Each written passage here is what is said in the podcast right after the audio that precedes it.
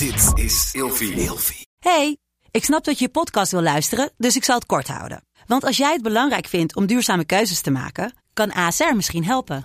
Nou hoor ik je denken, hoe dan?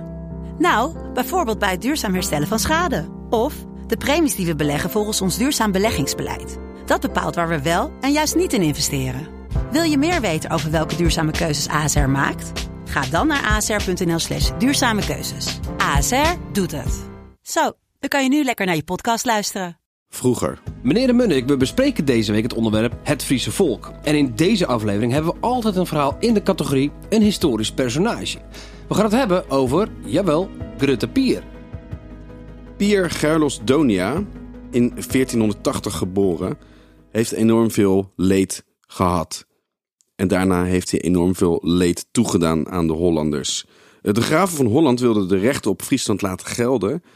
En daardoor hadden ze Saksische huurlingen ingehuurd om eigenlijk eh, ja, allerlei opstandige eh Friese en dwarse Friese eh, neer te slaan. Die moest het even regelen als ze niet wilden luisteren. Ja, precies. Dat eigenlijk, hè? En Pier was dus boer te Kimswerd.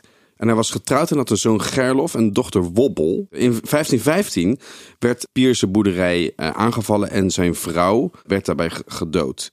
Vele familieleden en andere dorpsgenoten werden ook enorm dwars gezeten. En Pier besloot dus dat hij ja, in opstand kwam. Want hij had er geen zin in. Hij had denkt, er absoluut geen zin you. in. Fuck you. En hij deed dus met zijn eh mede-Friese, heeft hij de Armer, te Armer, de Armer Zwarte Hoop opgericht. Dat is een soort bende met, ja, ehm, allerlei ar- arme boeren en, en verarmde edelen.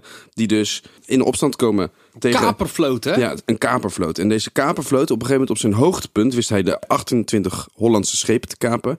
En daar werden dus 500 matrozen gewoon zonder pardon overboord geflikkerd. Ah, het was een grote vent, hè? Hij was een enorm grote maar vent. Grutte Pier, voor de, voor de Hollander, dat betekent dus grote pier. Ja, hij was zo lang dat hij ook een soort met twee handen een zwaard, dat noemen ze een tweehander, had dus een enorm zwaard waarbij hij meerdere hoofden kon afhakken. Wat ik zelf een heel mooi verhaal vind van de grote pier, is dat hij op een dag aan het ploegen was en eh, dat zijn van die grote, oude, zware houten ploegen met, met ijzeren onderdelen, loei en loei zwaar. Eh, de grote pier werd vaak uitgedaagd door mensen om te kijken of hij nou echt zo sterk was.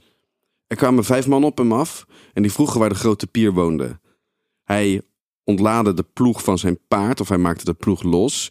En vervolgens zette hij de ploeg in zijn nek en wijst hij met ploeg en al richting de boerderij. Niet te tillen zo'n ding. hè? Nee, het is loei, loei, loei zwaar. Eh, daar woont de grote pier. En hier staat hij voor jullie.